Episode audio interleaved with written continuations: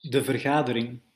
Nu de directeur weg was, was ik ook niet bang meer. Waar kon je beter opgesloten zitten dan in een zaal met zulke prima dames? Als ik ooit met ze in gesprek zou raken, zou ik ze de suggestie aan de hand doen om eens bij ons op school een beetje vreedheid jegens kinderen te komen voorkomen. Daar zouden we ze best kunnen gebruiken. Druk babbelend stroomden ze naar binnen. Ze liepen door de zaal om een plaatsje uit te zoeken en steeds ging het van Oh, kom gezellig hier zitten, Marian. Oh, hallo, Bea. Ik heb jou al sinds de vorige keer niet meer gezien. Oh, wat heb je een enige jurk aan. Ik besloot te blijven waar ik was en ze door te laten gaan met hun vergadering terwijl ik doorging met muizentreinen. Maar ik bleef nog even kijken en wachtte tot ze gingen zitten. Hoeveel waren het er? Ik schatte het op zo'n 200. De achterste rijen waren het eerst vol. Ze schenen allemaal zo ver mogelijk van het podium af te willen zitten. Midden op de achterste rij zat een mevrouw met een klein groen hoedje, die voortdurend op haar achterhoofd zat te krabben. Ze kon er maar niet afblijven. Ik keek geboeid toe hoe haar vingers steeds heen en weer aan het haar en bij haar nek bleven krabben. Als ze geweten had dat er iemand achter haar zat te kijken, had ze zich vast rot geschaamd. Ik vroeg me af of ze misschien roos had. Toen zag ik ineens dat de dame naast haar hetzelfde deed. En die daarnaast ook. En die daarnaast. En ze deden het allemaal. Ze zaten allemaal als gekken op hun achterhoofd te krabben. Hadden ze soms vlooien in hun haar? Of oh, misschien waren het wel luizen. Een jongen bij mij op school, die Arthur heette, had ook luizen en de meester had zijn hele hoofd in de terpentine gedoopt. Hij had de luizen er wel mee doodgekregen, maar Arthur bijna ook. Zijn halve hoofdhuid was hij kwijtgeraakt. Ik kon mijn ogen niet van die krabbende dames afhouden. Het is altijd leuk wanneer je iemand op zoiets ongemanierds betrapt, als die denkt dat niemand kijkt. Neuspeuteren bijvoorbeeld, of, of uh, krabben aan je gat je hoofdkrabben is bijna net zo afstotelijk, vooral als het maar door en door en door blijft gaan. Ik besloot dat het wel luizen moesten zijn. En toen, toen gebeurde er iets verbazingwekkends. Ik zag een mevrouw haar vingers onder het hoofdhaar duwen en het haar en al het hoofdhaar ging in één keer omhoog en de hand gleed eronder en ging door met krabben. Ze droeg een pruik. Ze droeg bovendien handschoenen. Ik keek vlug de zaal rond, waar nu alle dames waren gaan zitten. Ze droegen allemaal handschoenen. Mijn hart stond stil. Ik begon van top tot teen te rillen. Wanhopig keek ik om of er niet een achterdeur was waardoor ik zou kunnen ontsnappen. Die was er niet. Zou ik van achter het scherm tevoorschijn springen en de sprong naar de deur durven wagen? De dubbele deuren waren al dicht en ik zag een vrouw ervoor staan. Ze boog zich voorover en maakte een soort metalen ketting om de deurknoppen vast. Verroer je niet, verroer je niet, zei ik tegen mezelf. Niemand heeft je nog gezien. Er is geen enkele reden waarom ze deze kant op zouden komen en achter het scherm kijken. Maar één verkeerde beweging, één kuch, één nies, één snuif, één klein geluidje, wat dan ook, en je krijgt niet één heks op je dak, maar wel tweehonderd. Ik denk dat ik toen ben flauwgevallen. Was ook wel erg veel voor een klein jongetje, maar ik geloof niet dat ik meer dan een paar seconden buiten bewustzijn ben geweest. Toen ik bijkwam, lag ik op het kleed, gelukkig nog steeds achter het scherm. Het was nu doodstil. Een beetje beverig kwam ik overeind en tuurde weer door de kier in het scherm. Alle vrouwen, of liever heksen, zaten onbewegelijk op hun plaats en staarden als gehypnotiseerd naar iemand die plotseling op het podium was verschenen. Het was ook een vrouw. Het eerste wat mij aan haar opviel was haar formaat. Ze was klein, vast niet meer dan een meter veertig. Ze leek nog jong, zo vijf of 26 jaar oud. En ze was heel knap. Ze droeg een nogal elegante lange zwarte jurk die tot op de grond kwam. En lange zwarte handschoenen tot aan haar ellebogen. Anders dan de andere had ze geen hoed op. Ik vond helemaal niet dat ze op een heks leek. Maar ze, kon onmogelijk geen heks zijn, want wat deed ze daar anders op dat podium? En waarom zaten al die andere heksen haar anders in vredesnaam zo aan te staren met een mengsel van aanbidding, eerbied en, en angst? Heel langzaam hief de jonge vrouw op het podium haar handen op naar haar gezicht. Ik zag haar gehandschoende vingers iets loshaken achter haar oren en toen, toen pakte ze haar wangen vast en trok haar gezicht eraf. Met haar handen haalde ze zo haar hele knappe gezicht weg. Het was een masker. Bij het afdoen van het masker draaide ze zich opzij en legde het voorzichtig op een tafeltje naast zich. Daarna keerde ze zich weer naar ons toe en ik schreeuwde het bijna uit. Dat gezicht van haar was wel het griezeligste en afschrikwekkendste dat ik ooit heb gezien. Alleen het zien al bezorgde me oh, ijskoude rillingen. Het was zo gerimpeld en verkreukeld, vervallen en verschrompeld, dat het eruit zag alsof het in azijn was ingelegd. Het was een, een angstwekkend en afschuwelijk gezicht. Er was iets heel erg mis mee. Het had iets smerigs en stinkends en walgelijks. Het leek letterlijk te rotten aan de zijkant en ik zag hoe midden in het gezicht de huid van haar mond en wangen helemaal was verteerd en weggevreten, alsof er ratten aangeknaagd hadden. Het gebeurt wel eens dat iets zo verschrikkelijk is dat je er zo door gefascineerd wordt dat je je ogen er niet van kunt afhouden. En zo was het met mij. Ik was verstijfd. Ik was verdoofd, ik was gehypnotiseerd door de pure gruwelijkheid van het gezicht van die mevrouw. Maar dat was niet alles. Er lag iets slangachtigs in die ogen van haar die de zaal rondflitste. Ik wist natuurlijk meteen dat dit niemand anders kon zijn dan de opperhek zelf. Ik wist ook waarom zij een masker droeg. Ze zou met haar eerste gezicht nooit op straat kunnen lopen en, en zeker geen kamer in een hotel kunnen huren. Iedereen die haar zag, zou meteen gillend wegrennen. De deuren! schreeuwde de opperheks met een stem die de zaal vulde en tegen de muren weerkaatste. Zijn ze vergrendeld en zitten de kettingen vast? Eh, de deuren zijn, zijn vergrendeld en de kettingen zitten vast, uw grote genade, antwoordde een stem uit de zaal. De flonkerende slangenogen die zo diep in dat vreselijk rottende, aangevreten gezicht lagen, keken fel naar de heksen tegenover haar. Jullie mag de handschoenen ooit doen, zei ze. Ik hoorde dat haar stem dezelfde harde metalige klank had als de stem van de heks die ik onder de kastanjeboom had ontmoet. Alleen klonk hij veel luider en scherper. Hij schuurde, hij raspte, hij schraapte, hij snauwde, hij grauwde, hij krijste en hij gromde. Alle heksen in de zaal deden hun handschoenen uit. Ik keek naar de handen van de heksen op de achterste rij. Ik wilde dolgraag zien hoe hun vingers eruit zagen en of mijn grootmoeder wel gelijk had. En ja hoor, nu zag ik er een paar. Ik zag hoe de bruine klauwen zich over de vingertoppen kromden. Ze waren wel vijf centimeter lang, die klauwen, en ze hadden vlijmscherpe punten. Jullie maak jullie schoenen uitdoen!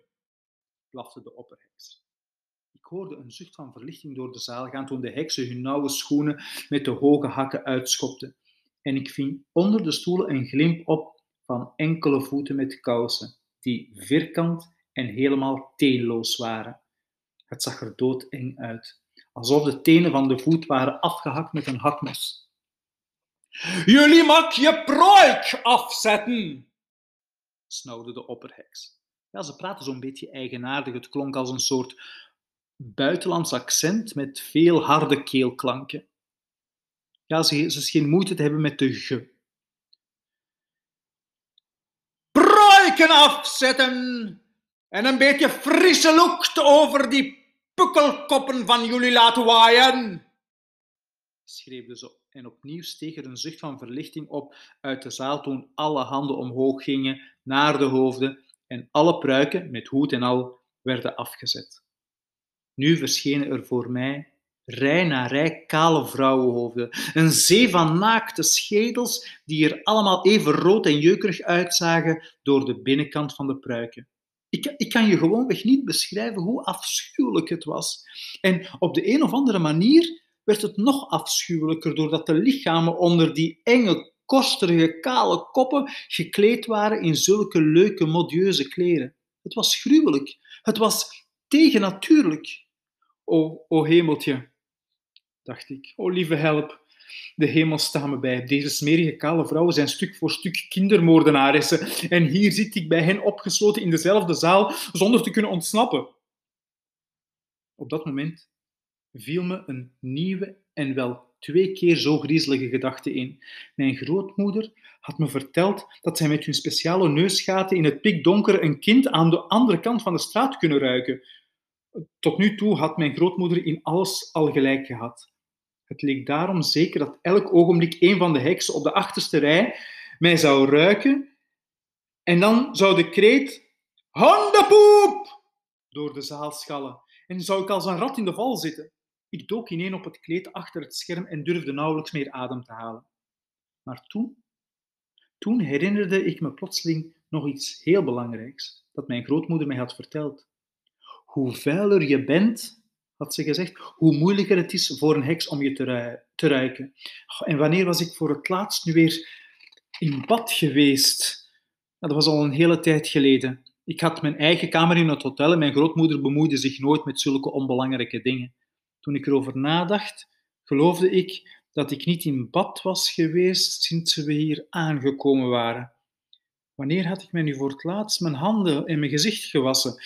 Nee, van, vanmorgen zeker niet. Nee, en gisteren, gisteren ook niet. Ik keek naar mijn handen. Ze zaten onder het vuil en de modder en zo. Dus had ik misschien toch nog een klein kansje. De stankgolven zouden onmogelijk door al dat vuil heen kunnen dringen. Heksen van Engeland! schreeuwde de opperheks. Ik zag dat ze zelf haar pruik, haar handschoenen en haar, en, en haar schoenen en haar handschoenen niet had af- en uitgedaan. Heksen van Engeland! Riep ze weer. Het gehoor begon zenuwachtig te schuifelen en ging rechtop zitten op hun stoelen. Armzalige heksen, looie, lamlendige heksen, slappe, klongelige heksen, Jullie zijn een zootje miserige, lapswanzerige wormen! Een rilling ging door de zaal. De opperheks was kennelijk niet in een opperbeste stemming en dat wisten ze. Ik kreeg het gevoel dat er iets vreselijks ging gebeuren. Zit ik vanmorgen aan mijn ontbijt? zei de opperheks. Kijk ik uit het raam naar het strand en wat zie ik? Ik vraag jullie, wat zie ik? Ik zie een walgelijk gezicht.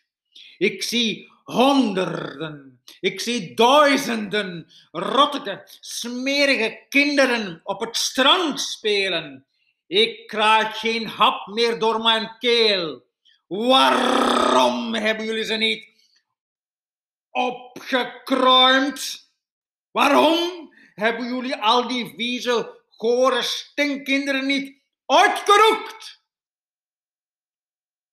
Bij elk woord schoten vlokjes lichtblauw spuug als kogeltjes uit haar mond. Ik vraag jullie waarom? Niemand gaf antwoord. Kinderen stinken. Hun stank verziekt de wereld. Wij willen die kinderen hier niet. De kale koppen in de zaal knikten heftig mee. Eén kind per week is niet genoeg. Ik eis maximumresultaten. Dit zijn mijn bevelen. Ik beveel dat alle kinderen in dit land uitgeroekt, opgeruimd, afgemaakt, in de pan gehakt worden, voor ik hier volgend jaar terugkom. Is dat begrepen? De zaal snakte naar adem. Ik zag de heksen elkaar zorgelijk aankijken en ik hoorde een heks aan het eind van de voorste rij hardop zeggen: ah, allemaal? Maar we krijgen ze nooit allemaal weg. De opperheks zwiepte rond alsof iemand met een vleespen in haar bil had geprikt. Wie zei dat? schreeuwde ze. Wie waagt het mij tegen te spreken? Jij was het, is het niet? En ze wees met een gehandschoende vinger zo scherp als een naald naar de heks die gesproken had. Ik, ik, ik bedoelde het niet zo, uw grote genade, riep de heks. Ik wilde u niet tegenspreken, ik zei het tegen mezelf. jij hebt het gewaagd mij tegen te spreken? Ja, maar ik, ik, praatte in mezelf. Dat, dat, dat, zweer ik u, grote genade. Ze bibberde van angst. De opperheks deed snel een stap naar voren en toen ze weer sprak, was het met een stem die me ijskoude rillingen bezorgde. Wie tegenspreekt, zal skroeien, branden, blakeren en gloeien, krijste ze. Nee, nee, nee, smeekte de heks op de voorste rij. En de opperheks vervolgde. Een heks met zaaksel in haar hoofd wordt geroosterd en gestoofd. Oh nee, nee, red mij, riep de arme heks op de eerste rij. De opperheks nam geen notitie van haar. Ze sprak weer. Een onnozele heks als dat creatuur. Kijk 1, 2, 3 in de frituur. Nee, genade, oh, uw grote genade, gilde de ongelukkige boosdoenster. Ik heb het zo niet bedoeld. Maar de opperheks ging verder met haar verschrikkelijk rijmen. Een heks die mij ongelijk durft te geven, heeft niet zo erg lang meer te leven en het volgende ogenblik schoot een stroom van vonken als witgloeiend ijzervijsel uit de ogen van de opperheks rechtstreeks naar de heks die haar mond had durven opendoen. Ik zag hoe de vonken haar troffen en zich in haar boorden. Ze slaakte een gruwelijke, ijselijke gil en rondom haar steeg een rookpluim om. De geur van verbrand vlees vulde de zaal. Niemand verroerde zich. Net als ik keken ze naar de rookpluim en toen die was opgetrokken, was de stoel leeg. Ik ving een glimp op van iets ijls, wits, dat als een klein wolkje omhoog gewerveld en het raam uitzweefde. Een grote zucht rees uit de zaal op. De opperhek staarde woedend rond. Ik hoop dat niemand anders mij kwaad zal maken vandaag, merkte ze op. Er heerste een doodsstilte gepoft als een kastanje, zei de opperheks, gefrooid als een ooitje. Haar zullen we nooit meer terug zien. En nu, nu kunnen we aan het werk.